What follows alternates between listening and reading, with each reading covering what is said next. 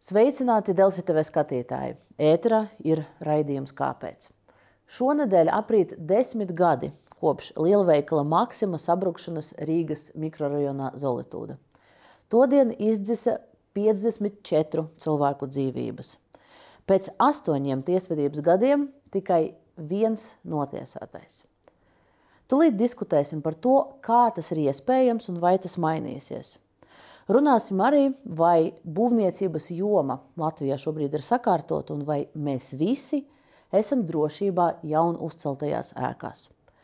Tūlīt diskusija, bet sākumā neliels ieskats pēdējos desmit gados.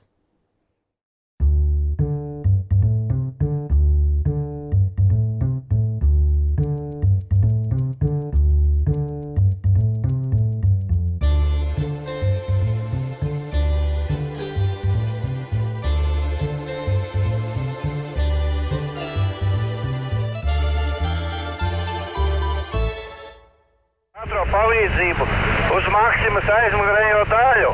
Aizīgi ātrā palīdzība, es nesapratu. Iedod informāciju štābu, kad prasa ātrā palīdzību. 2013. gada novembrī uz nesen pabeigtā veikala Maksima jumta būvnieks Rēndre veica labi iekārtošanas darbus.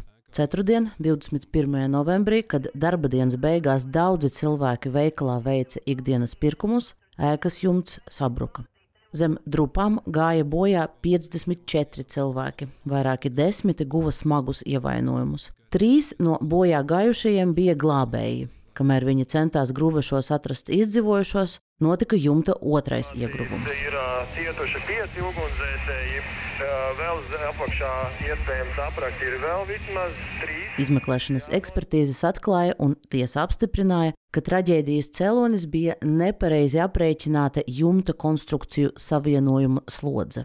Prokuratūra cēlā apsūdzības deviņiem cilvēkiem, pieciem būvniecības procesa dalībniekiem par nonāvēšanu aiz neuzmanības, trim Rīgas pilsētas būvvaldes darbiniekiem par pienākumu nepildīšanu un Maksima darbiniecei par darba drošības noteikumu pārkāpšanu. Tiesa apjomīgo krimināllietu saka skatīt 2015. gada decembrī. 19. gada jūnijā prokurors deviņiem apsūdzētiem lūdza piemērot maksimālos sodus.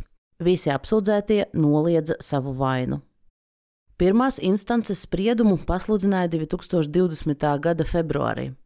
Rīgas pilsētas pārdaugavas tiesa par vainīgu atzina būvinženieri Ivaru Sergetu, bet pārējos astoņus apsūdzētos attaisnoja. Sergets un daļa cietušo spriedumu pārsūdzēja, apelācijas protestu iesniedz arī prokurori. Arī otrajā instancē Rīgas apgabaltiesā šā gada sākumā par vainīgu tiesa atzina tikai būvinženieri Sergetu, kam piesprieda sešus ar pusi gadus ilgu cietumsodu. Pārējie apsūdzētie ir atzīti par nevainīgiem. Tiesas spriedums šovasar pārsūdzēts augstākajā tiesā, kas šobrīd lemj, vai ir pamats ierosināt kasācijas tiesvedību. Vietā, kur notika traģēdija, 2025. gadā atklās atceres dārzu. Un stādīšu priekšā studijas viesus šodien. Klāt ir Regina Ločmale, Zolotūdas traģēdija cietušo biedrības pārstāve. Labdien! Agris Skradēls prokurors, viens no apsūdzības uzturētājiem tās augtās Zolotūdas lietas tiesas procesā. Labdien! Valsts ugunsdzēsības un glābšanas dienesta priekšnieks pulkvedis Mārtiņš Baltmanis. Sveicināti. Un, uh, pirms desmit gadiem jūs arī piedalījāties uh, glābšanas darbos šajā procesā. Nu, mazliet citu uzdevumu man bija. Bet, bet jūs bijat klāt pie, pie visa, vai ne? Daļēji bija. Uh, klāt ir arī um, ekonomikas ministrijas būvniecības politikas departamenta direktore Olga Feldmane. Sveiki! Labdien. Te man ir jāpiebilst, ka uz raidījumu aicinājām arī politiķus, jo politiskā atbildība ir arī svarīga šajā procesā. Ekonomikas ministrs Viktors Valainis eh, dalību šajā raidījumā ir atteicis. Eh, un eh, klāt ir arī Agnese Friedenberga, domnīcas Providus vadošā pētniece un juriste. Providus nesen ir pabeidzis apjomīgu pētījumu par būvniecības procesa drošumu. Labdien! Pirms diskusijas piebildīšu, ka uz raidījumu aicinājām arī Tieslietu ministru Inesi Lībiņu Egneri. Viņa dalību arī atteica, pamatojot, ka nevarot komentēt neatkarīgas tiesas darbu, kamēr tiesvedība vēl nav galā. bet, nu, jāteic arī, kā tiesu varas pārstāvji arī atteica dalību.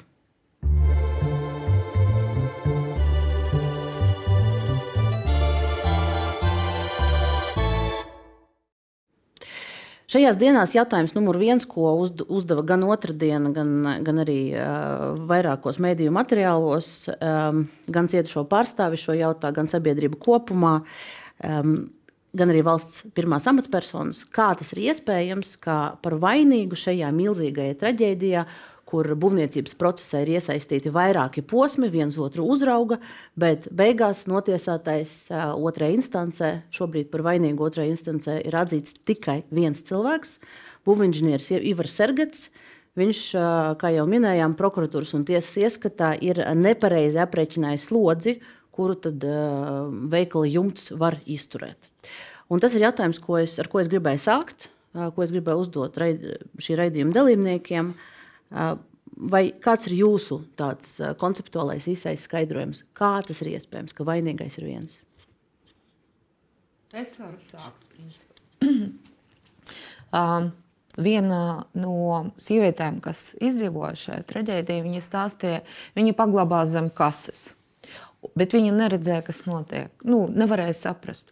Un viņa nevarēja saprast tik tālu, ka pirmais, ko viņa iedomājās, ka lidmašīna bija ietriekusies šajā uh, daudzstāvu ēkā, un tā bija sabrukusi uz veikala.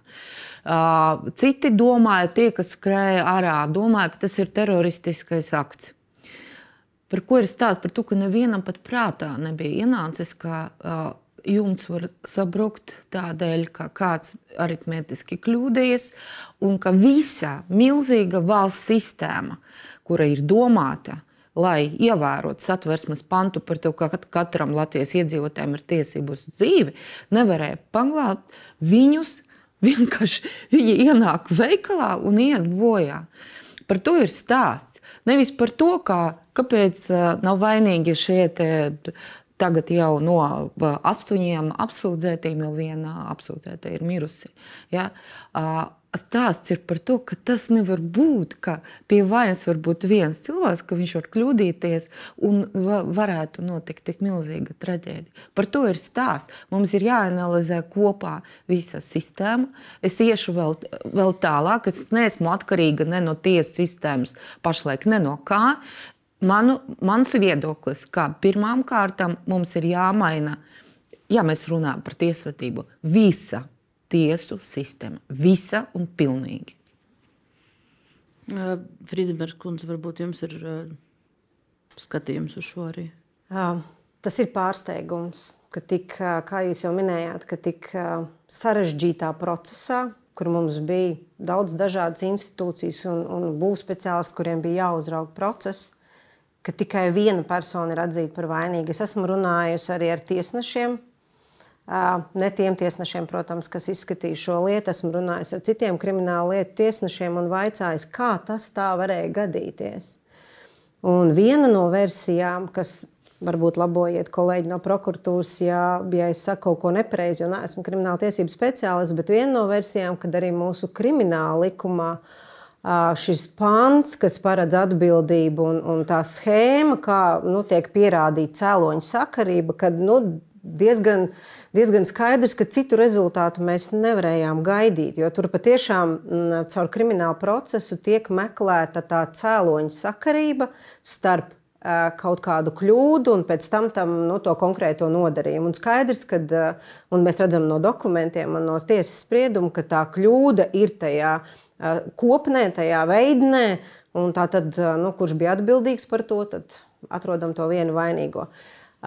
Es nezinu, es domāju, tad, kad augstākā tiesa pieņems gala nolēmumu šajā lietā, es domāju, ka mums arī jāpaskatās uz krimināla tiesisko regulējumu. Jo iespējams, ka arī šeit vajag kādus uzlabojumus, lai citos gadījumos nebūtu tā sajūta, kas, ko mēs tad veicām izvērtējumu par, nu, par Zeltūdas komis, saimnes komisijas izmeklēšanas komisijas gala ziņojumu uzdevumiem, ko teica mums būvinženieri, ka šobrīd daudziem būvinženieriem, būvspeciālistiem ir tā sajūta, fu, viens ir vainīgs, atrada vienu vainīgo. Tā tad mēs zinām, ka parasti skatīsies tajā virzienā. Un ka vispārējie šķiet, ka var atslābt. Un tas ir tas visbīstamākais. Mēs nedrīkstam. Un tas ir precedents. Un ne, ne, nedrīkst aizmirst, ka Latvijā ir precedentu uh, sistēmas valsts. Mums ir divas lietas - interpretēšana un precedenti. Un, lai nekļūtu šī zeltūdas lieta par to precedentu, pareizi saka Agnese, ja, kas ļaus pēc tam vēl tā, huh, nopūsties citiem, kuri varēja izdarīt kvalitatīvāku un labāku, bet nedara.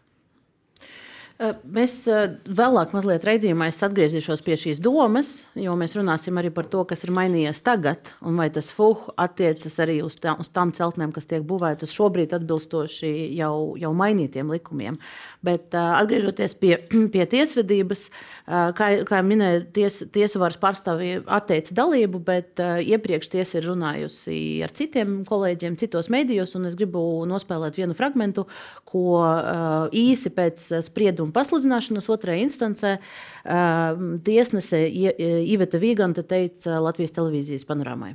Pēc pirmās instances tiesas sprieduma ļoti bieži ir izskanējis jautājums, Kā tā var būt, ka šajā lietā ir vainīgs, vainīga tikai viena persona? Faktiski Sergets ir vienīgā persona, kas, kurai tā, tā toreizējā tā laika normatīvais regulējums uzlika šādu pienākumu. Līdz ar to tālāk iestājās viņa atbildība par to.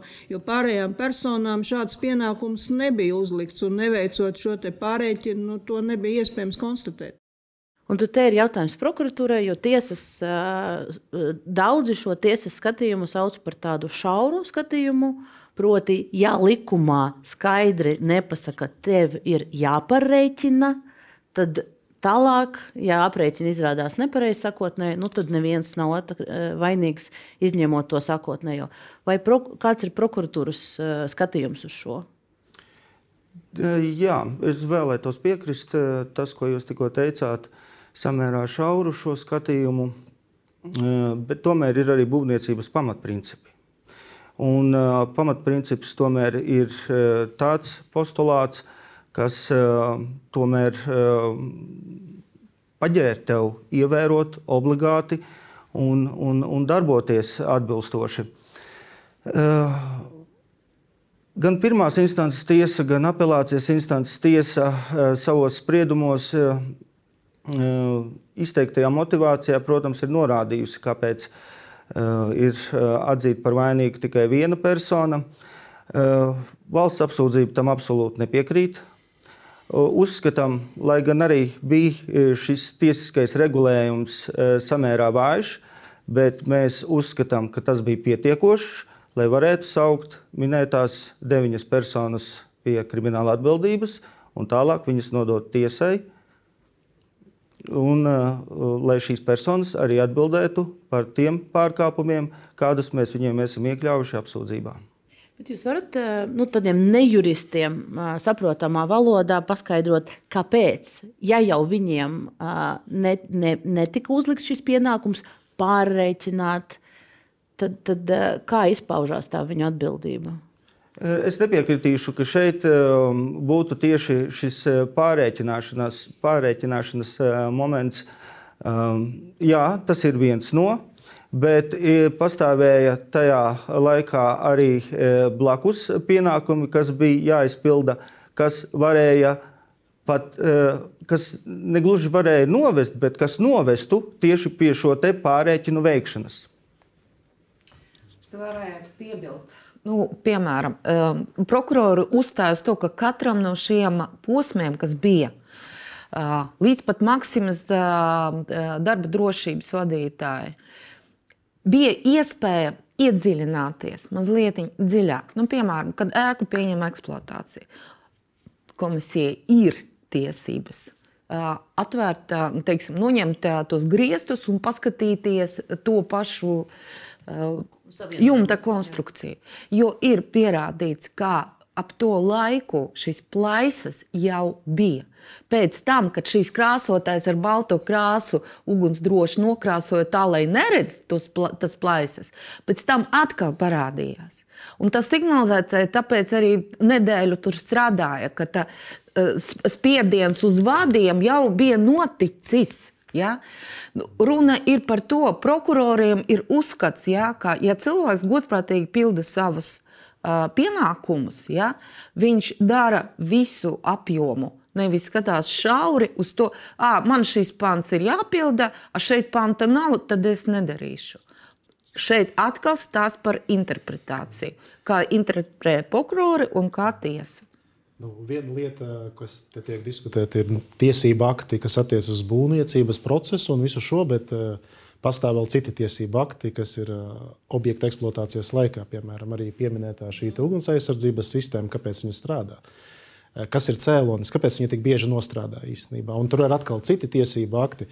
Nu, tik cik es tā publiski esmu lasījis teiksim, no šī uh, ka tas tomēr bija saistīts ar šo uguns aizsardzības sistēmu, respektīvi, kā strādā uguns aizsardzības sistēma, eh, kas tur ir ierokota automātiskā. Tā tad, eh, principā, protams, viņas nostrādes nu, teiksim, tāda, eh, mērķis, jeb nostrādes gadījums ir tad, kad sasniegs tiek temperatūra, kapsuliņa pārplīst un spiediens zūd sistēmā, es domāju, caurulēs un aiziet signāls uz sūkņu staciju, eh, sāk strādāt sūkņi, sāk padot vairāk ūdeni, lai dzēstu ugunsgrēku.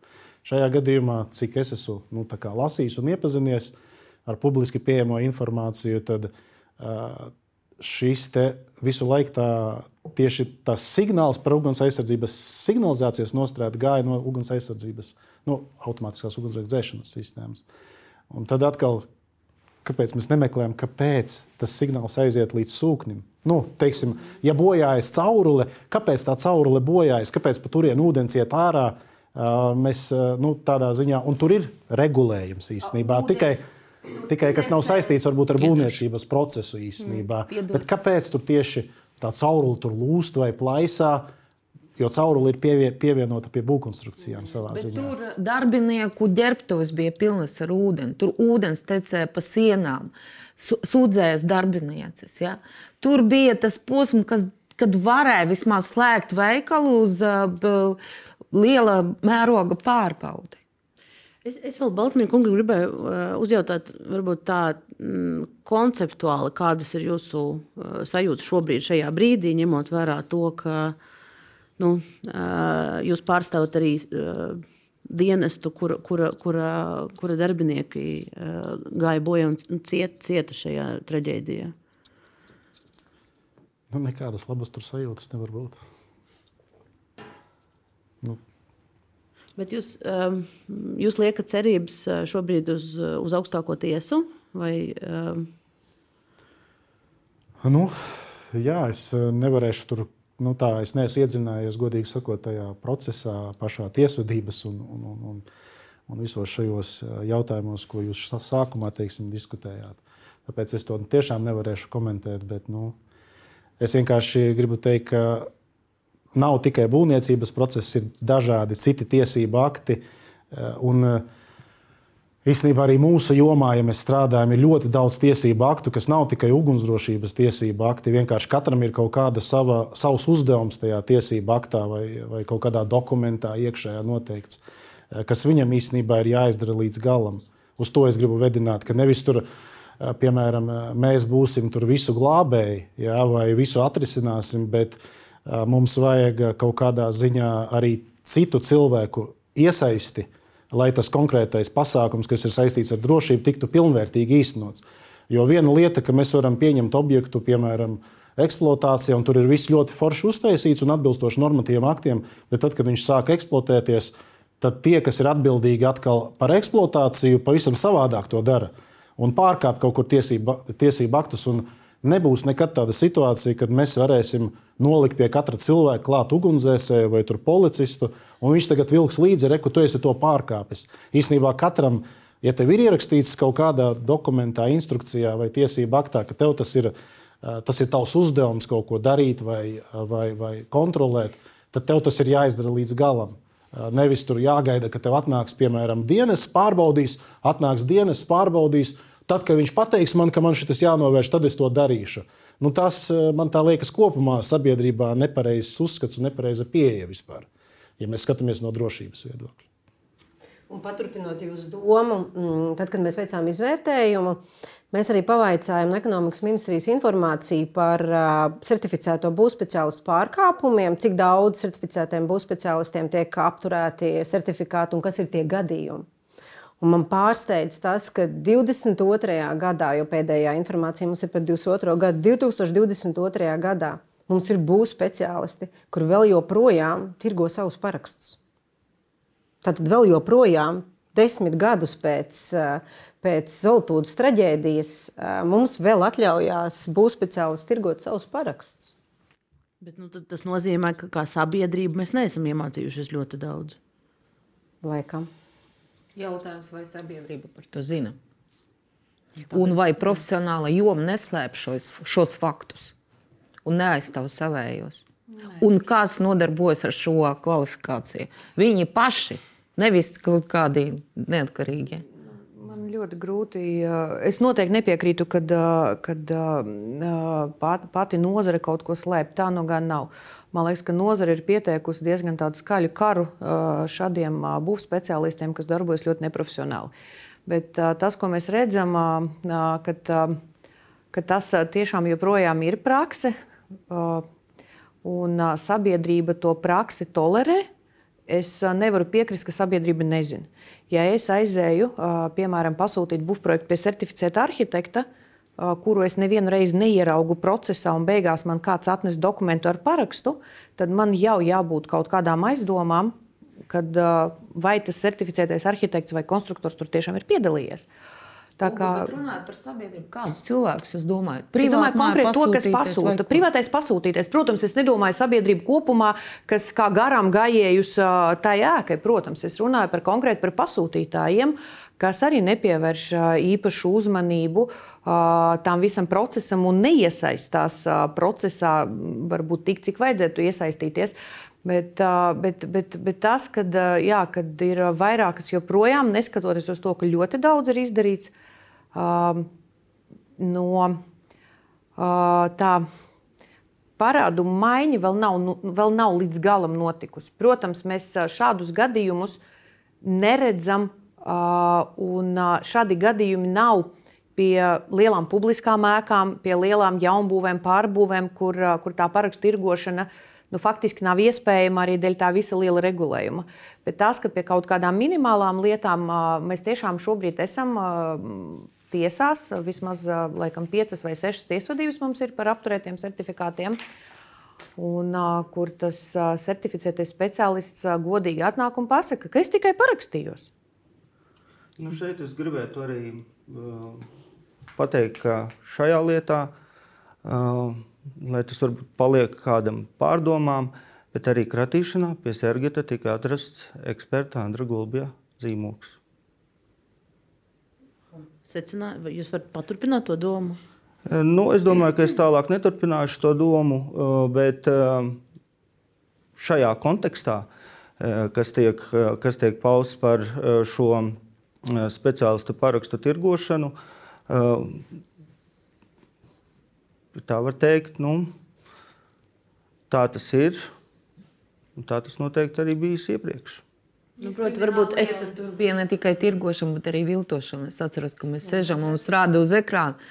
45 lapas puses, un cilvēks saka, nē, tas nav mans paraksts, nav mans paraksts, nav 45 lapas puses. Mierīgi. Es, es varbūt skatītājiem paskaidrošu par, eh, par to, ko jūs minējāt, eh, prokurors par, par, par eh, pie, pie būvinženiera Sergata atrasto, kā jūs sakat, zīmogu. Būveksperts Andris Gulbis ir viens no apsūdzētiem šajā procesā. Un, uh, viņa bija teorētiski, viņš varēja pārbaudīt uh, Sergeta norādītas būvkonstrukciju slodzes. Viņš to nav darījis. Prokuratūra uzskata, ka viņš ir sniedzis formālu, uh, reālajai situācijai neatbilstošu slēdzienu. Uh, citur, citur ir minēts, ka viņa oriģināls, viņa atzinuma vispār netika atrasts. Uh, un ka pēc būtības tur bija divi īsi teikumi. Citēšu par iesniegtajiem materiāliem nekādu īpašu piezīmju nav, un slēdziens iesniegto būvprojektu rekomendēja apstiprināšanai realizācijai. Tātad mēs nezinām, ko viņš pārbaudīja, kā viņš pārbaudīja, cik saprotu, tas vispār nav zināms. Bet um, mēs jau pārvirzījāmies pie jautājuma par to, kas šobrīd ir mainījies. ir uh, jauns būvniecības likums. Desmit gados grozīts 20 reizes, un ekonomikas ministrija, neskatoties uz to, par ko mēs šobrīd runājam, uh, es saprotu, ka ekonomikas ministrijas šī pozīcija ir, ka nu, tomēr kaut kā tā situācija ir uzlabojusies. Milzīgi uzlabojusies. Es tiešām, es, ne, pirmkārt, es vēl par to iepriekšēju, ja es drīkstu pateikt, tad uh, es, protams, nevaru vērtēt konkrēto kriminālu lietu un uh, konkrēts pierādījums, kas ir iegūti lietā, un man ir ļoti grūti pateikt. Uh, kas tur ir noticis, bet, bet tas, ko es esmu dzirdējusi arī publiski, gan no, tiesne, gan no tiesnešiem, gan no analizējot šo lietu, kad normatīvai regulējumi nav precīzi pateikts, ka viņiem bija jāpārēķina. Arī šobrīd normatīvais regulējums nepasaka darbības, kas ekspertam ir jādara, sniedzot pozitīvo slēdzienu vai negatīvo, nu, sniedzot savu slēdzienu. Ņemot vērā, ka ekspertīzes mērķis ir pārliecināties par ēkas atbilstību normatīvu aktu prasībām, tad attiecīgi tas eksperts, kā reglamentētā persona, viņam ir pašam jāizvēlās un jāsaprot, ko viņš dara, lai apliecinātu, ka šī ēka ir atbilst mehāniskās stiprības, stabilitātes un ugunsdrošības prasībām.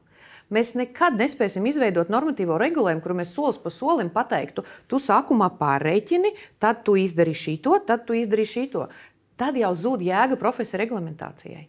Un, Kāpēc? Milzums MK noteikumiem tieši tā, pirmais, otrais, trešais, ceturtais. Jā, un, un, un tad mēs nonākam pie tā, ka kādā konkrētā gadījumā mēs esam aizmirsuši pateikt sesto, un tieši tās sestais noved pie Olga, problēmas.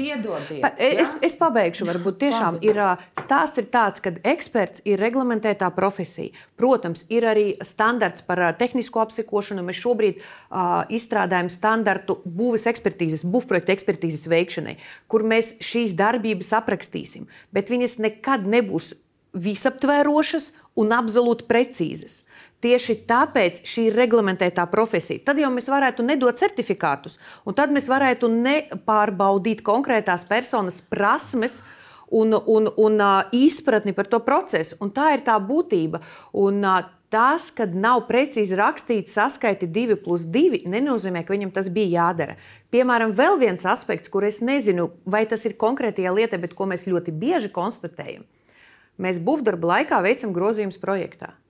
Un, un mēs ļoti pavirši izturamies pret procesu. Pēc būvniecības likuma brīdī, kad es gribu kaut ko grozīt, es apturu visu, es izgrozu, tad es izekspertēju, un tad es varu turpināt būvdarbus tas, ko mēs redzam būvlaukumos, nu, tagad ekspertīze mēs esam pabīdījuši līdz būvdarbu pabeigšanai, bet projektam ir jābūt izgrozītam un jāparakstās visiem, ka viņi ir pārliecinājušies par grozījumiem. Nevis, ka mēs būvējam, būvējam, un tad kā būvnieki mēdz teikt, ka mēs pēc tam sakārtojam dokumentus, es bildu. Nu, tad mēs zinām, ka Zolotūras tragēdijas uh, momentu tas nav bijis. Tas tika grozīts pēc tam. Tas nav bijis. Un tur bija tieši tas uh, iemesls, nē, nē, ka viņi saku, nu, sadalīja tas, kopnes, un tas viss bija. Tā, tāpēc es arī saku, ka būtu jānodala un jāsaprot arī šīs procesi. Un, uh, un, un uh, ir vismilzīgākā atbildība ir tam būvinspektoram no pašvaldības, kam ir jāpieķer šie gadījumi. Ja būvinspektors redz, ka notiek būvdarbi, bet projekts faktiski neatbilstoši projektam, tad tā ir pirmā patvaļīgās būvniecības pazīme, attiecīgi top lēmums par būvdarbu apturēšanu līdz sakārtošanai. Un, līdz ar to tas, ka būvniecības regulējumā ļoti daudz ir noteikts mērķis un noteikta atbildība. Un tālāk mums ir nu, pēc būtības jāvērtē, vai tā persona, kā, jo reglamentētai profesijai ir cita atbildības um, nasta. Un viņš nav tāds vienkāršs cilvēks, kas var pateikt, es nezināju, es nemācēju. Nē, viņa zināšanas praksa ir, ir pārbaudīta. Jūs man piedodiet, to es drīkst, es, pat, es vienkārši gatavojos raidījumam un um, izlasīju. Esam izdarījuši visu, lai Zolotūras traģēdija neatkārtotas. Pat par daudz. Tas ir citāts no jūsu aprīļa uzstāšanos. Pat par daudz. Un tagad jūs stāstat, ka tas nav, tas nav. Es, ne, es nerunāju par vēlreiz. Es atgriezos pie tā, kāds regulējums ir bijis toreiz. Un tas, ko es gribēju pateikt, kad varbūt tam apstākļim, ka regulējumā ekspertam nav bijis vārds vārdā pateikts, ka viņš nes solidāro atbildību, mums vienalga jāvērtē viņa atbildība, ņemot vērā mērķi, kāpēc viņiem bija jāekspertē šis projekts. Tiesneši ja situāciju tagad. Un te es gribēju Friedenbergas kundzei dot vārdu. Ah, nē, piedodiet, es, es nevaru to izdarīt, jo Balsmīna kungs jau sen. sen, sen uh... Es savā ziņā gribētu piekrist tam, ka, ko minēja par nedrīkst pārregulēt tiesību aktu arī. Ne, tā, teiksim, ja mēs tā salīdzinām, es no rīta varu pateikt, jums ir jābūt tiesību aktā darbā astoņos. Bet es jums nerakstu tiesību aktā, piecelies tikos, izmazgā zobus, nomazgā rokas, nomazgā muti, uzģērb bikses un tad ej uz darbu. Nu, tā ir tā pārregulācija. Mērķis ir svarīgi, ko mēs gribam ar to tiesību. Bet, ja mēs tiesību aktu nevajag rakstīt kā instrukciju, mm. nu, tādā ziņā to, tam, tam noteikti ir Un, protams, būvnormatīvi kā tādi, tā ir ļoti sarežģīta lieta. Un no nu, prakses arī, ja mēs ierakstīsim visu tik ļoti eh, tādā baigā rāmī, eh, viss attīstās, nenormāli attīstās. Es domāju, tādā ziņā, bet drošībā. Ko es gribu panākt? Es gribu panākt, lai, piemēram, mērķis mans ir eh, nezinu, 50 sekundēs, cilvēki būtu ārā no tāda, tāda tipa ēkas. Tas ir mans mērķis. Kā, ar kādu risinājumu tu tos panāksi, tad tas ir būs speciālists un pēc tam kontrolējušās institūcijas pienākums. Teiksim, vai viņš izpilda vai viņš neizpilda. Teiksim. Bet mēģinot pārfrāzēt un pārformulēt šo diskusiju, kas mūsu, mūsu sistēmā šobrīd ir izdarīts, lai pie identiskas, ja mēs modelējam identisku situāciju, ir kļūda būvprojekta, būvinženieris nepareizi aprēķinājis jumta, citas konstrukcijas slodzi. Kas mums ir šobrīd, lai tālāk, turpmākā ķēde izķertu šo kļūdu, un kas mums vēl nav. Un te es Friedenbergas kundzei tiešām gribēju dot vārdu. Jā, hmm. uh. Nu, iztēlojamies. Ir, ir, Jā. ir kaut kas līdzīgs, nedod Dievs, cerēsim, ka, ka, ka nekas teiktu, tāds nenotiks. Es teiktu tā, ka trešās grupas būves, respektīvi tādas nozīmīgas būves, jauna būve, jaun, nu, jaunas būvniecība, uh, Uh, ir diezgan labi aprunā, atrunāta tiesiskajā regulējumā. Un es ļoti, ļoti ceru, ka uh, nav kaut kādas tur, nezinu, zemūdens akmeņi, ko mēs neesam pamanījuši šajā izvērtējumā. Un es gribētu cerēt, jā, ka šīs būves, uh, ar šīm būvēm plus mīnus viss ir kārtībā. Bet jūs varat īsumā paskaidrot, paskaidrot kaut vai vienā teikumā, kas tur ir šobrīd, kas nebija pirms desmit gadiem, kas, kas, kas liek Pirmkārt, ir, nu, kā, ir skaidrāk sadalīts atbildības starp pusēm. Tātad mēs beidzot varam, tas ir tas, ko runāja prokuratūras pārstāvis, kad nu, ir skaidrāk sadalīts, kas, kas veids kādas darbības. Mums ir izveidots Būvniecības valsts kontrolas birojs, kas arī noteiktās būvēs, piemēram, tāda kā bija šis lielveikals, būtu visdrīzāk veicis būvdarbu kontroli. Ja, tad, tad mums ir veikta preventīva. Klāt, viņi būtu bijuši un... klāt nozīmīgos brīžos. Mums ir pateikts, ka uh, ir jābūt noteiktos gadījumos obligāti ir jābūt būvprojekta ekspertīzei. Ja, un kas pat atkārtotai, kas toreiz nebija, kas bija toreiz, bet uh, nu, uh, citādi interpretācija tam visam bija. Tā kā es teiktu, ka tā sajūta, kas attiecās uz jaunbūvēm, man liekas, ka plus mīnus ir kārtībā. Tur, kur ir trešā grupa, un publiska būve. Ja mēs skatāmies tālāk, kas ir piemēram otrās grupas būvs, kas ir, tas ir mājas līdz uh, sešiem stāviem, ir tre, no, jā, uh, virs zemes. Tātad tās mājas, kas ir piemēram nu, daudz dzīvokļu mājas, ko tagad ceļ nezinu, ap drēliņiem un tam līdzīgi, tur es tā vairs tā neteiktu. Jo, jo šīs būvs neuzrauga būvniecības valsts kontrolas biroja šo būvniecību. Un, ja paskatās uz tiesisko regulējumu, tad būvvaldēm šobrīd ir diezgan daudz samazināts viņa pienākuma apjoms. Un tad, kad mēs runājām ar būvvaldēm fokus grupā, es uzdevu tieši šo jautājumu un prasīju, kādus būvdarbus jūs tiešām kontrolējat, jūs ejat uz vietas un pārbaudat. Un būvvaldes apliecināja, ka tās ir trešās grupas būves gadījumos, ja ir būvatļauja. Tad, tad visas otrās grupas būves vai lielākā daļa otrās grupas būves. Proti, mā, daudz, dzīvo... daudz dzīvokļu mājas, it īpaši, ja nav būvatļaujas. Un arī trešajās grupās, trešās grupas lielajās būvniecībās, pārbūvēs, ja nav būvatļaujas, arī tur būvvaldes nemēdz apmeklēt šos būvobjektus. Un tas ir satraucoši. Un otra lieta, kas man liekas, ir ļoti, ļoti satraucoša, ka mēs esam mazinājuši to gadījumu skaitu, kad vispār vajag būvatļaujas. un tā tad ir vajadzīgs būvprojekts. Un viens no šiem gadījumiem, kas tika identificēts fokus grupās ar būvvaldēm, ko būvvaldes pat nosauca, šī ir likumdevēja kļūda. Noteikti normatīva akta izdevējs tā nav, bij, tā nav domājis. Un tas mani pārsteidz, ka šobrīd saskaņā ar tiesību aktiem var veikt būvdarbus nesošajās konstrukcijās, daudz dzīvokļu ēkās, izbūvējot ailes, ar pašu spēkiem. Iedomājieties, ja 12 stāvu māja. Nepareiz, lūdzu, bet šīs ir nav. Tas ir, es nezinu, kāpēc būvvaldes kaut ko tādu ir minējuši. Jā, var, bet būtu jānodefinē, jo ir divas, divi procesi. Viens ir būvprojekts un būva atļauja ar nosaukumiem, un otrs ir paskaidrojuma raksts un akcepts paskaidrojuma rakstā.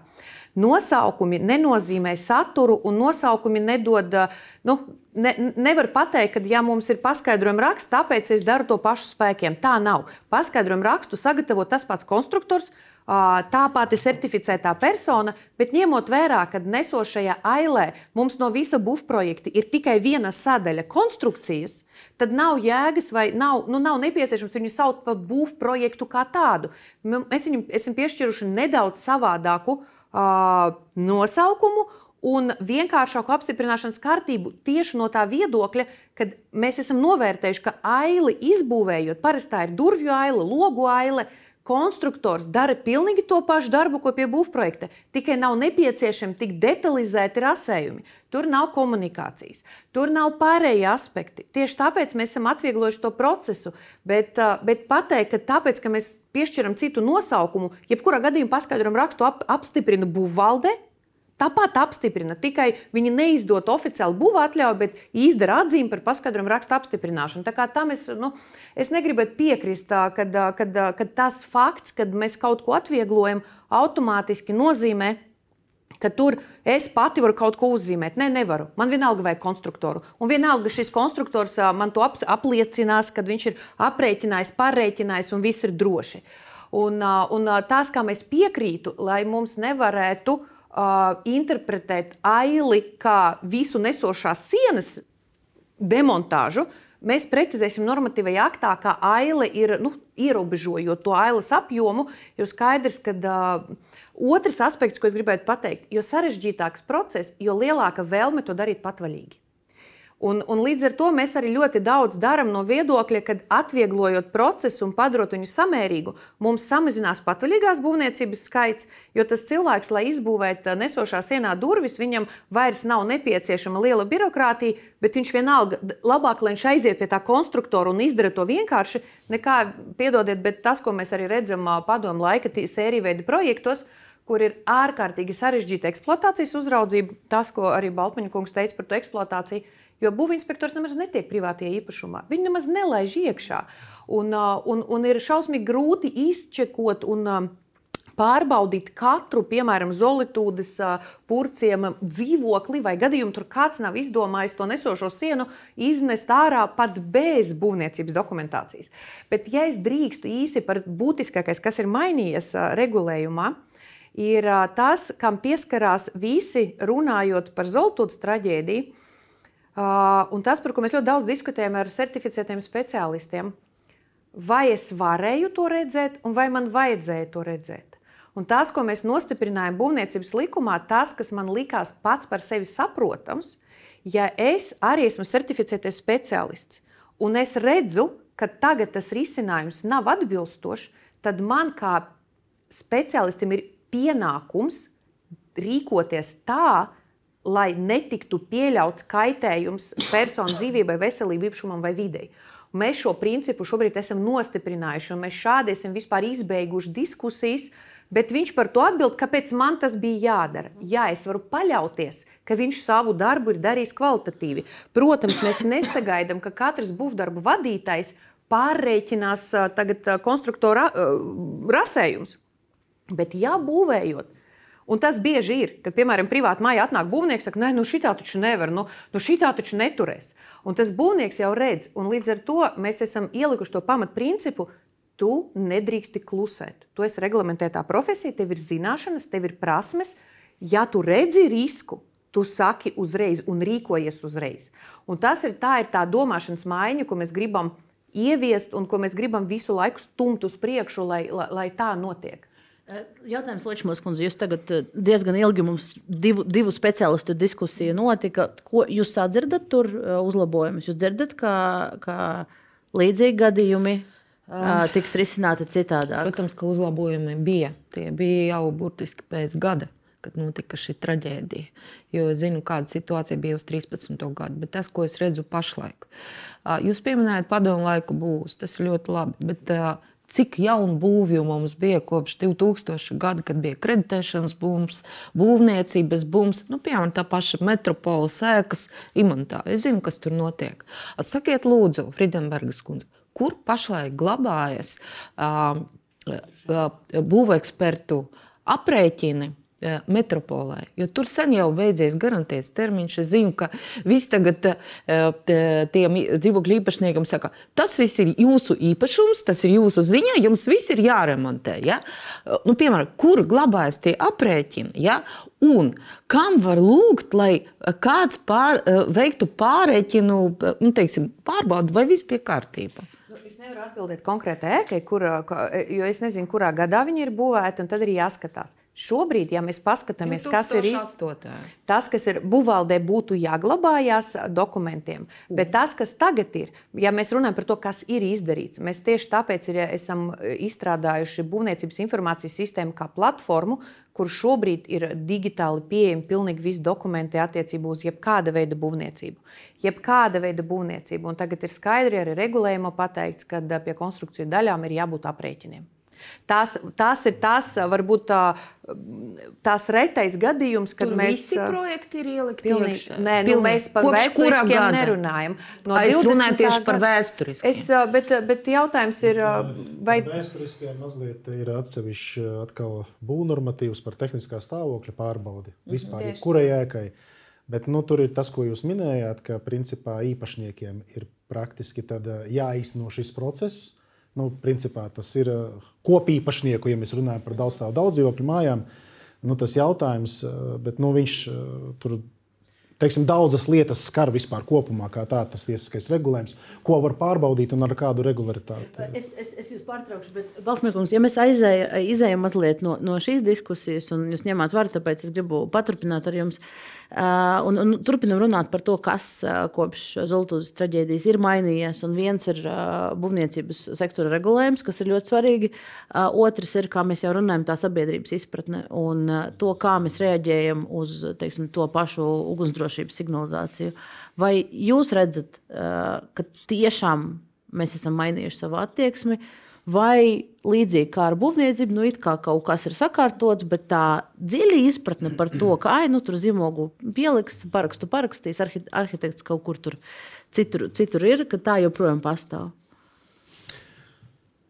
Uh, uzreiz pēc traģēdijas noteikti praktiski, uh, kā atskanēja ugunsgrēka atklāšanas trauksmes signalizācija, visi uzreiz evakuējās. Tas bija, es gribētu teikt, nu, kaut kādu gadu, pusotru Uzreiz bija zvans uz 112. Tas nu, bija ļoti novērota mums, nu, saka, gan šī evakuācija, gan, gan mūsu izsaukšana. Arī tas, ko mēs novērojam, ļoti daudzi komersanti griezās pie mums, lai mēs palīdzētu nu, vai atbalstītu viņus attiecībā uz ugunsdrošības instrukciju izstrādēm, lai mēs piedalītos varbūt praktiskajās mācībās. Mēs, nu, protams, nevaram visus apkalpot, jo objektu ir ļoti daudz, un mums resursi ir tik, cik ir šajā visā jomā. Bet, nu, tieši pēc traģēdijas tas bija ļoti novērojams. Šis te, nu, izpratne, rīcība arī, protams, arī ugunsdrošības jomā mēs mainījām tiesību aktus. Bet, nu, varbūt tas šobrīd nav tik būtiski, bet, bet tas arī tika darīts. Bet kopumā um, es teiktu, tā, es jau bieži esmu teicis, uh, Es, ne, nu, es nevaru teikt, ka mēs esam kaut kur šausmīgi uzlabojumi. Varētu būt tā, nu, tā vispārēji, ja mēs sakām, vai pasliktinājumi, varbūt mazliet uzlabojumi ir. Bet, piemēram, mēs veicot savas aptaujas, ko mēs nu, uzsākām pagājušajā gadā, un mēs turpināsim viņas katru gadu, ne tikai par ugunsdrošību. Mēs jautājam cilvēkiem, vai tu zini, kā rīkoties ugunsgrēka gadījumā. 92%, 92 cilvēku saka, es zinu, kā rīkoties. Tad, kad mēs uzdodam nākošos jautājumus, pasaki man pēc punktiem, kā rīkoties. Atbilde ir tikai 32% īstenībā zina, kā pareizi rīkoties. Mēs caur šādām aptaujām, protams, neskatām tikai ugunsdrošību, bet mēs skatām arī rīcību ķīmiskās avārijās, radiācijas avārijās. Tur uzreiz tas procents, ja tu viņam pajautā, vai tu zini, kā rīkoties, ir daudz mazāks. Un, ja mēs aizējām vispār pie, piemēram, kaut kādas ķīlnieku krīzes, tur vispār ir 20-30% tikai. Ja? vai arī varbūt, kas šobrīd ir aktuālākais militārs apdraudējums. Ja mēs paprasītu atkal par visiem šiem pareizo rīcību, piemēram, ķīmiskā avārijā, tad noteikti tas procents būtu. Nu, teiksim, šobrīd viņš, viņš uzskata, cilvēks, ka viņš zina, kā rīkoties. 50% zina, kā rīkoties ķīmiskā avārijā. Tad, kad viņam uzprasīsi, kādi būtu tavi soļi, 1, 2, 3, un tur vairāk nav. Tas, kas mūsu mājaslapā ir ļoti daudz informācijas, ne tikai par ugunsdrošību un, un rīcību ugunsgrēku gadījumā, bet vispār kopumā par rīcību apdraudējumu gadījumos. Ar, ar, ar ļoti, ļoti daudz izdevumu materiāliem, tad noteikti viņš būtu vēl mazāks. Tāpēc pateikt, tagad, ka mēs esam nu, izveidojuši drošības kultūru Latvijā, noteikti es nevaru. Fritzbrunds kundze, jums bija nesen arī vienā no intervijām, jūs, jūs minējāt piemēru, ka jūs pati novērojāt, ka lūk, nu, nedarbojas šīs algoritmas tagad. Jā, Jā, tieši tajā pašā veikalā.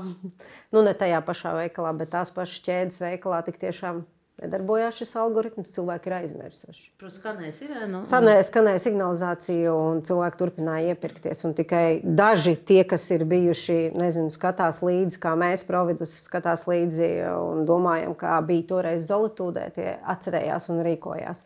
Bet viena lieta, ko es gan gribētu piebilst, kad nu, situ kara situācija Ukrainā gan mazliet ir tomēr nu, cēlus sabiedrības izpratni vai veidojas labāk sabiedrības izpratni par kara draudiem un militāriem draudiem. Tas gan ir, jo man liekas, ka tas piemērs, kas bija pirms pāris mēne, ne, nedēļām, kas bija skolās, tie paziņojumi, kad ir ieliktas pri, um, nu, kāds tur spridzeklis, jā, tad, tad nu, tā, tā evakuācija un tas, kā skolas rīkojās, man liekas, bija lieliski. Tas bija lielisks piemērs, bet tas, kā sabiedrība rīkojās brīdī, kad ir lielveikalā pilna soma ar, ar, ar labumiem, un, un atskan, atskan, tas ir bēdīgi. Bet, ja mēs paskatāmies vēl arī citā reputācijas līmenī, tad mēs redzam, ka viens no Maksimas būvniekiem, Rēnere grupa, Nu, tur plaukst viņiem biznesa. Viņi šobrīd kopā ar Beļģu un Itāļu firmām ceļ sliežu ceļu Rail Baltica centrālo staciju Rīgā piedalās privātajos iepirkumos, valsts iepirkumos, nu pat karteļa lietā. Būvnieki arī, arī ir vadoša loma šajā stāstā. Un te, te laikam ir tāds kolektīvais jautājums. Es, es īstenībā pārbaudītu, vai re un re grupa ir pilnīgi tas pats, kas ir re un re. Un... Īpašnieki. Bet mēs jau zinām, nu, nu, mēs es nezinu, gan tiešām smieklīgi izklausās. Es varu teikt tā, par reputāciju runājot. Ja? Kad būvniecības kompānija kompānijas pat uh, neatļāvas uh, nu, noalgot uh, foršu piāristu, ko izdarīja Maksima, uh, un cilvēks, uh, kurš viņiem izstāstīja, kas ir jāizdara, lai te uzskatītu tomēr par minimāli sociāli atbildīgu uzņēmumu. Tie neizdarīja pat to, viņiem bija uzpļaut. Un kad jūs runājat par to, ka joma ir sakārtota, ka pati joma rūpējas par kaut ko, Come on! Jūs ar cilvēkiem parunājiet, lūdzu, ko viņi domā. Ar apakšu uzņēmumiem parunājiet. Ja? Vai mums kas ir mainījies šajā sistēmā? Lieli uh, uzņēmumi un apakšnieki. Un kas notiek tur? Mēs ikdienā runājam, un šobrīd apakšnieki ir ļoti augsti novērtējuši tādas izmaiņas, kas ir bijušas gan tīpaveida līguma projektus, kas ir uh, noteikumi izstrādāti. Es, es, es, man jūs jāpatrauc, uh, bet ļoti prozaiski iemesli dēļ mums šobrīd ir jāatvadās no RTV skatītājiem. Tur mūsu ēters ir 48 minūtes. Un, tīrais raidījuma ēteris. Tāpēc no RTV skatītājiem mēs atvadamies, atvadamies. Paldies jums, ka bijat ar mums.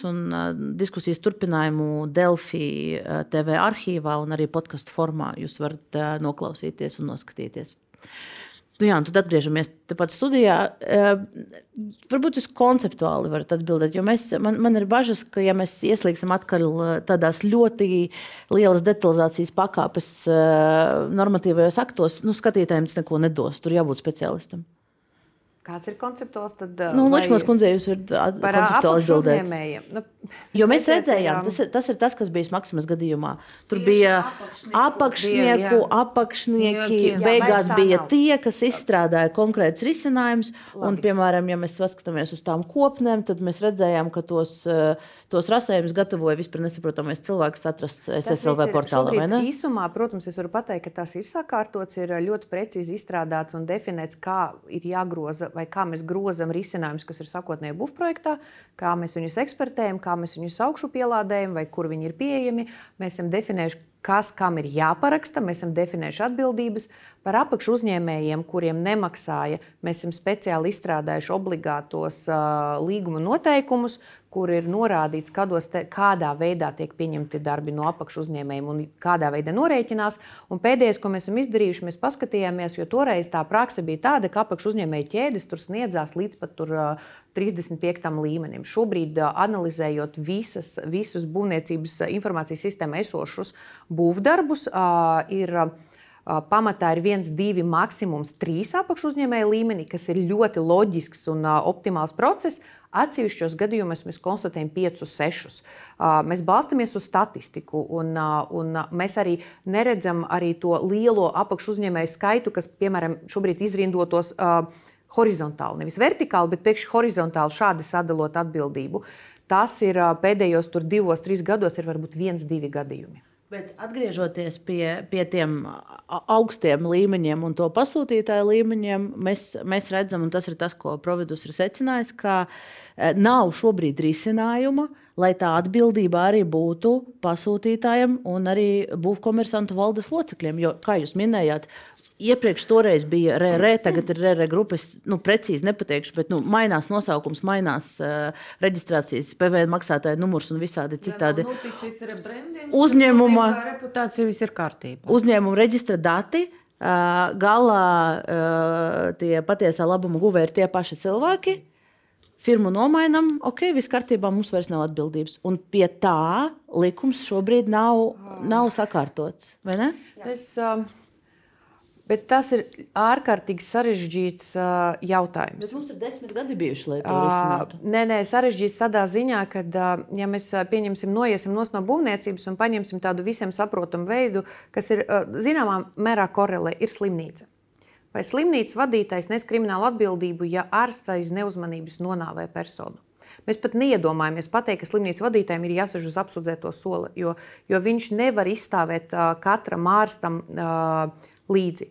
Tas, vai viņam ir jānes krimināla atbildība par savu kā valdes locekļu pienākumu pildīšanu, nepildīšanu, vai, piemēram, ka viņš nav ļāvis nopirkt būvīstrādājumus atbilstoši projektam, uh, tad tas jau šobrīd izriet arī no komerclikuma, un tas ir jāskata kopsakarā. Bet, bet, bet, bet mēs nevaram tā viennozīmīgi pateikt, ka valsts loceklis atbild tādā pašā apmērā, kā piemēram reglamentētās personas pārstāvis persona ar certifikātu. Bet vai viņam vispār nav atbildība izrietoša no, no, no komerclikuma, jo arī juridiskai personai ir krimināla atbildība. Un, ja es nemaldos, tad sakotnēji arī re un re kā uzņēmums nebija toreiz nemaz necēlīja, ja, bet viņi parādījās sākumā. Bet tas, ko mēs arī no krimināla likuma zinām, ka tās arī ir iespējams. Bet, Bet, tādā, bet, bet tas jautājums ir diskutēts. Un, un, un tas jautājums ir ļoti plaši diskutēts piecu gadu garumā, darba grupā, kur bija apmēram 60 institūciju pārstāvji, kur mēs skatījāmies. Bet jūs skatījāties, un es, es no, no jūsu teiktā secinu, ka nu, ir, ir lemts, ka nebūs šāda. Nevis šādas. lemts, ka nebūs, bet lemts ir tas, ka šobrīd regulējums neizslēdz valdes locekļa atbildību, ja viņš ar savu rīcību kaut ko ir darījis. Ja valdes loceklis ir noalgojis certificēto speciālistu, kas, piemēram, neskatoties uz to, ka projekti ir rakstīts, sākumā nostiprini pamatus un tad veids demontāžu, būvlaukuma aiziet ar, ar, ar iekārtām un sāk demontēt, tas valdes loceklis tiešā veidā nu, nespēja izstāvēt. Un, un šādos gadījumos mēs neredzējam iespēju, kā mēs varam noteikt to atbildību pilnīgi vienlīdzīgi. Iespējams, ka uh, mēs varam turpināt strādāt, bet uh, mēs esam mēģinājuši pateikt civiltiesisko atbildību uh, pasūtītājam.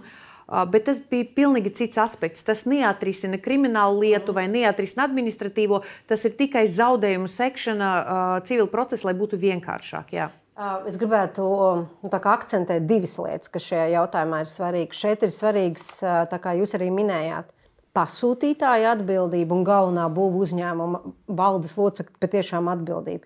Jo mēs redzam, ka arī daudzās intervijās ar, ar būvspeciālistiem un būvvaldēm mēs dzirdējām to, ka principā spēles noteikums kas nosaka? Nosaka pasūtītājs, kuram ir nauda un iecerē. Un tad ir nākošais līmenis, kas ir tas būvdarba veicējs vai tas galvenais būvniecības uzņēmums, kurš skatās, ko par to naudu, kā mēs šo ieceru varam realizēt. Un bieži vien, nevis bieži vien, bet pārsvarā tie būvspeciālisti ir jau algoti darbinieki. Viņi faktiski kaut kādā brīdī ir tādā slazdā vai, es nezinu, kādā aplī iekšā, kur pasūtītājs saka lētāk, ātrāk un vēl kaut ko. Būv uzņēmums saka, mums taču arī ir jādomā par savu peļņu un tad tas speciālists tur ir iekšā. Un tagad mē, un viņš, viņš faktiski ir vienīgais atbildīgais. Un šobrīd mēs esam tajā situācijā. Es nezinu, kā, kā tiem būs speciālistiem, kas ar certifikātiem sēž šajās lielajos uzņēmumos, cik viņi droši jūtās, vai viņi var justies vispār droši. Bet kāds, vai, ir, vai ir konkrēts piedāvājums, kā to risināt? Man, mums, mums nav piedāvājumu. Es esmu redzējusi, kā ekonomikas ministrija ar to ir cīnījusies. Esmu redzējusi, ka arī finanšu ministrija, tad, kad gāja runa par civiltiesisko um, atbildību, ir pretojusies ekonomikas ministrijas iecerēm. Es teiktu, ka šis ir punkts numur viens ar ko būtu jāsāk, pareizi sakot, jāturpina šī cīņa. Noteikti ārzemēs ir citās valstīs ir kādi precedenti un, un pieredzes. Mums ir minējuši Norvēģijas būvniecības tiesisko regulējumu, ko ir jāskatās. Būs speciālisti, mums ir minējuši vēl citus. Mums ir jāmeklē, mēs nedrīkstam dzīvot tādā situācijā, ka mēs atstājam to vienu par vainīgo un visi pārējie, kas ap šo būvniecības procesu rotē un faktiski nosaka spēles noteikumus, nu, ir sēž malā uzņēmēja darbībā pakārtota naudai, peļņa un tā tālāk. Tāpēc instrumentiem ir jābūt tieši no šīs jomas. Jāsīt, piedodiet, nu, kā agrāk teica, ar rubli, ar eiro. Ja? Tātad pirmām kārtām apdrošināšana, Zolītūdas process arī parādīja, ka Homburgas zolītūdē bija milzīga apdrošināšana. Man tādas aizdomas, ka viņi galu galā dažas kompensācijas dažiem cietušiem izmaksāja tieši no šīs apdrošināšanas naudas. Pasakiet, nu, lūdzu, kāpēc būvniecības jomā dažiem uzņēmējiem, nu, kad tiltus ceļ, ja, apdrošināšanas, bet ķīlas summa pirms tu vispār iesāc kaut ko, tev ir jānoliek miljons, ja, kas stāv garantijas termiņu, līdz tas viss tiks pabeigts. Ja. Vai visās būvniecības jomās, eh, posmos mums tā, tādas summas kaut kur figurē, vai tā apdrošināšana ir obligāta, vai mums ir būvspeciālistu, speciāli profesionāla apdrošināšana. Tas pats arī par ārstniecības jomu, jo jūsu piemērs nebija labs par slimnīcu. Jo pasakiet man, lūdzu, precedenti, kad vispār kāds ārsts būtu sēdējis par to, ka viņš nonāvēja savu pacientu. Tur pat izmeklēt neko nav iespējams. Te joma ir sakārtot tālāk, viens vispār netiek ne pie informācijas, nedodies. Mums pat advokātu nav specializēti par šo jomu. Bet jautājums par apdrošināšanu, lai nauda stāvētu aiz katra posma, lai pēc tam civiltiesiskais procesos ar šo vismaz nebūtu problēmu. Pat nerunājot par kriminālu atbildību. Bet mums, ja mēs runājam par, par, par, par naudu, un ja mēs atgriežamies pie tā, ka daudzu problēmu būvlaukumā, kā varēja saprast no šīs diskusijas, arī problēma ir centieni, loģiskie uzņēmēji centieni lētāk samazināt savus izdevumus, visu darīt lētāk, ātrāk. Un mums joprojām, kā pētījums parādīja, praksē dominē gadījumi, kur būvnieki tiek iepirkti par nevis par izdevīgāko piedāvājumu, kas ņem vērā uh, visus kritērijus, bet par zemāko cenu. Un es saprotu arī, ka valsts iepirkumos un pašvaldības vai ne? Tieši, tieši valsts, valsts un Tad, tas nozīmē, ka mūsu sistēma šobrīd joprojām šo praksi tolerē, uh, tolerē un, un veicina. Kad mēs to mainīsim? Jautājums. Nu, pirmkārt, tas ir sarežģīts jautājums, bet uh, pirmkārt, zemākā cena kā tāda. Uh, Mēs runājam par praksi. Par praksi. Nē, nē, zemākā cena kā tāda nav uh, pati par sevi nenes lielāku, lielus riskus, ja mums ir ļoti kvalitīvi izstrādāts projekts un attiecīgi pie ekonomiskās daļas mums ir parādīti gan visi apjomi, gan visi materiāli. Tā zemākā cena ir adekvāta. Protams, tas par pasūtītāju, īpaši valsts pasūtītāju atbildību. Uh, būtu jānodala atkal pasūtītāji. Pasūtītāji, kas to dara vienu reizi, pasūtot rūpnīcas, piemēram, modernizāciju pārbūvi, vai pasūtītāji, kam tā ir ikdiena un kas, kas, kas tiešām tā ir viņa profesionālā darbība, attīstīt nekustamos īpašumus. Nu, tā, tā, tā, tas atbildības apmērs ir dažāds, un tā mēs pret viņu arī izturamies. Atbildot, zināšanas un prasmes, bet, bet atbildot, apdrošināšana ir. Ir paredzēta gan būvdarbu veicējiem apdrošināšana, gan arī katram certificētam speciālistam, kas darbojas, viņam arī ir paredzēta apdrošināšana. Ķīlas nauda. Uh, ķīlas nauda, es, bet ko jūs domājat ar ķīlas naudām? Jo visos publiskos iepirkumos, arī tajos tipveidu obligātos līguma noteikumos šobrīd ir pateikts, ka ir jābūt garantijai, vismaz saistību izpildes garantija 10% vai apdrošināšanai, jābūt garantijas laika garantijai. Uh, tur ir tur tas viss arī ir atrunāts. Bet ar to naudu mēs nepanākam. Nē, mēs regulējam, protams, jo uzņēmējs, tad, zinot, ka viņš riskē ar šādu beznosacījuma garantiju, viņš daudz atbildīgāk izturās pret, pret būvdarbiem. Tas viss ir atrunāts un tas viss šobrīd ir izdarīts, un tas attiecās uz visiem iepirkumiem, kas ir izsludināti no 23. gada, jeb šā gada 1. janvāra. Līdz ar to tur arī ir cenu indeksācija. Tas, kur mēs arī esam izstrādājuši vadlīnijas speciāli saimnieciski izdevīgākā piedāvājuma vērtēšanai, izstrādājam kopā ar iepirkuma uzraudzības biroju un ar būvuzņēmējiem. Mēs esam izstrādājuši vadlīnijas kvalifikācijas prasībām būvdarbu veicējiem. Tieši lai nebūtu vien, uz vienu būvdarbu veicēju orientētās prasības, tieši lai palielinātu konkurenci un samazinātu risku, kad es ar kādu sarunāju uh, konkrēti iepirkumu. Tas viss ir izdarīts.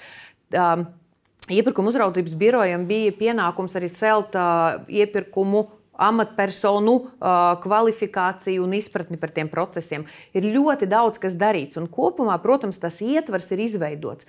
Bet vai pasūtītāji izmanto tos visus rīkus, ko mēs esam, izman, ko mēs esam izveidojuši un viņiem piedāvājuši, to es šobrīd nevaru apliecināt, jo taisnība joprojām tas zemākās cenas kritērijs prevalē, neskatoties uz to, ka publiskā iepirkuma likums vispār nemaz neļauj to zemākās cenas kritēriju kā vienīgo kritēriju piemērot. Un mēs redzam gadījumus, kur zemākā cena ir 80% vai 95% un 5% ir termiņi, nu, kas pēc savas būtības nav saimnieciskais izdevīgums. Un es gribētu šeit datos, pierādījumos balstītus mm -hmm. datus dot 20. gadā 13% mm -hmm. no visiem publiskā iepirkumā procesiem, kuros iepērk būvdarbus, tika izmantot saimnieciskais izdevīgums kā izvēles kritērijs. Un 22. Eh, gadā tie ir tikai 9%. 9% tas ir gandrīz nekas. Un tas, ko mums arī minēja ļoti daudz būvspeciālistu un arī pašas būvvaldes, eh, minēja tieši to, ka eh, būs pašvaldībām vai valsts institūcijām trūks izpratnes un zināšanas, kā labāk sagatavot to dokumentāciju, lai iepirktu labāku procesu, labāku preci. Un otrs, kad, diemžēl, kad pašvaldības un valsts ir pieradusi sēdēt tajās ērtajās kurpēs, lētākā, cena, zemākā cena, vienīgais kriterijs, mēs zinām, kas, kāda riska mums ar to draud. Bet principā ik viens no šiem gadījumiem ir tāds gadījums ar zemāko cenu, kur nu, pastāv risks, ka tā tad ir iepirkts lētāks projekts, iespējams, lētāk izstrādājumi, iespējams, lētāks darba spēks, un visi šie iespējams, iespējams var novest pie, pie riskiem. Un te, eh, šo, šo tematu būtu jāturpina, protams, ar, ar, ar ministriju atbildīgiem cilvēkiem, ar pašvaldību vadītājiem. Politiķi studijā nav, un arī uh, novērojot to, kā veicās kolēģiem, mēs redzam, ka uh, nu, no, no atbildības, no atbildīgas sarunas par šo procesu kopumā šobrīd pie, tie politiķi, kur ir pie, pie, pie, pie varas, mēģina. Uh, uh, distancēties. Bet mums, mums ir uh, jānoslēdz šī. Viena, viena maza piezīme. Īstenībā tas saistās ar pasūtītāju kompetenci. Uh, mēs esam tagad uh, būvniecības likumā paredzējuši arī inženieru konsultantu. Kā atsevišķu institūtu, un tā doma ir, ka viņš arī ir certificētais speciālists, un viņš ir tas, kas palīdz pasūtītājiem kvalitatīvi un kompetenti strādāt uh, pie, attiecīgi pie tās būvniecības ieceres.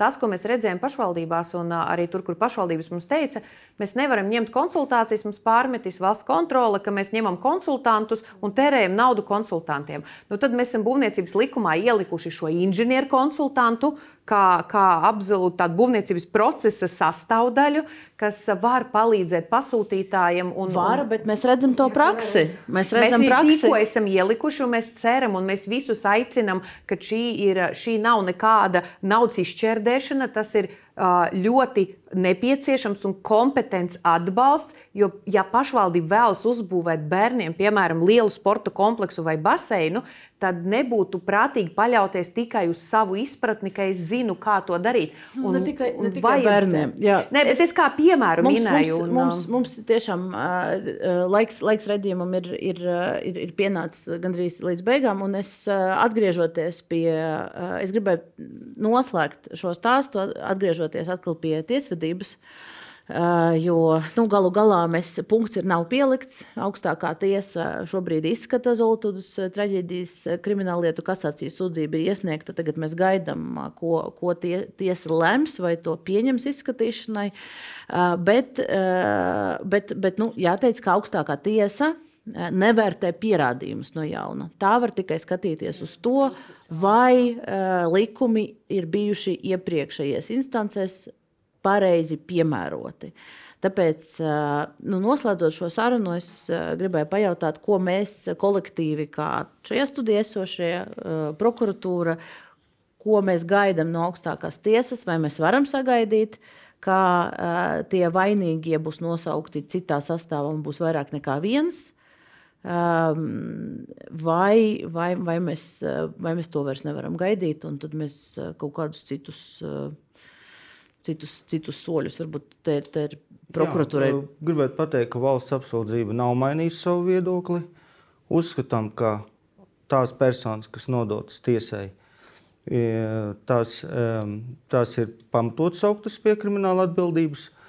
Un sagaidām, tomēr, ka šī lieta tiks uh, nodota vēlreizēji skatīšanai apelācijas instances tiesai un panākt šajā lietā taisnīgums. Un apelācijas instance skatīja trīs gadus. Tad tas, tas, uz ko mēs ceram, ka vēl pēc dažiem gadiem augstākā tiesa atdos otrajai instancei, un tad nu, kādi vēl astoņi gadi mums būs jāgaida. Nē, ne? es tomēr gribētu pateikt, ka tad, kad tika uzsākta skatīt pirmajā instances tiesā, darbojās vēl iepriekšējie krimināla procesa likuma regulējums E, ja būtu tāda situācija, kāda ir e, šobrīd, ka nav aicināmas uz tiesas sēdi jau lietā esošās nopratinātās personas, un jūs zinat, ka šajā procesā tie bija vairāk simti. Tas noteikti par pāris gadiem saīsinātu šo procesu, un arī šobrīd personas atkārtoti nav aicināmas uz tiesas sēdi. Līdz ar to ir vērtējams tas, kas ir nostiprināts jau lietā, un šo personu mm. liecības ir ņemamas vērā. Tad tā ir prokuratūras pozīcija, ko, ko, jūs, ko jūs gaidat no augstākas tiesas. Ja drīkst, es izteikšos cietušo vietā. Tātad, par šiem desmit gadiem 12 cietuši ir miruši. Un tas automātiski izslēdz viņus no procesa, un neviens viņu vietā nedrīkst prasīt nekādu kompensāciju, morālu un tā tālāk. Manuprāt, tas ir pirmais, kas ir jāmaina likumos, kā, lai uh, neviens vainīgais ne, neiz, neizbēgtu savu atbildību, jābūt mantojumam šīm uh, prasības tiesībām, manuprāt, Otrais, varbūt tas ir no, no fantastikas jomas, bet es sagaidu, lai jau au, augstākajā lietas izskatīšanā, augstākajā tiesā valsts atzītu savu vainu. Es nezinu, kā, kādai procedūrai tur ir jābūt, bet ņemot vērā pēdējo notikumu, kad tika nogalināta sieviete Jēkabīle, kad valsts bija atzinusi, ka valsts nebija izveidojusi tādu sistēmu, lai pasargātu cilvēku no nāves. Ja? Es sagaidu, ka šeit pēc divu instanču spriedumiem valsts tomēr atzītu savu vainu tādas sistēmas izveidē, kura nonāvēja 54 cilvēkus, ieskaitot trīs glābējus. Un tāda, es saku, es nezinu procedūru līdz galam, bet es vēlos, lai tas notiktu jau izskatīšanas laika augstākajā tiesā. Es noteikti sagaidu no augstākās tiesas uh, uh, redzējumu par to, mm, kā šis uh, vainas uh, cēloņu sakarība veidojās. Skaidrāku, lai patiešām neveidotos tā sajūtiem, būs speciālistiem, fu, viens vainīgs padziļinātāku izvērtējumu. Jo šobrīd no tiem spriedumiem, no tā, tā sprieduma, kas mums ir pieejams, nu, var veidoties tāda sajūta. Tā es ceru, ka augstākā tiesa spēs, un ja tiešām likums to atļauj, un ja ir pietiekami pierādījumi, tad tik tiešām atbild, atbild, at, uz atbildētāju soli jāsēž daudz vairāk personām. Domāju, mēs visi esam valsts, un valsts jau kā prokuratūras pārstāvis minēja īstenībā uztur šo šo apsūdzību. Tāpēc jāpiekrīt tikai tam, ko minēja pārstāvis no prokuratūras.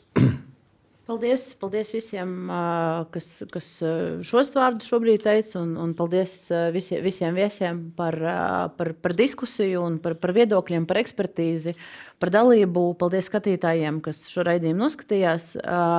Un tad, jā, tiešām mēs gaidīsim, kā risināsies tiesvedība. Mēs noteikti kā gan sabiedrība, gan žurnālisti vērosim, kā mainīsies likumi un kā tiešām mēģinās, mēs mēģināsim turpināt kārtot šo sistēmu un sakārtot to, lai, lai nekas tāds uh, turpmāk nebūtu nekad iespējams.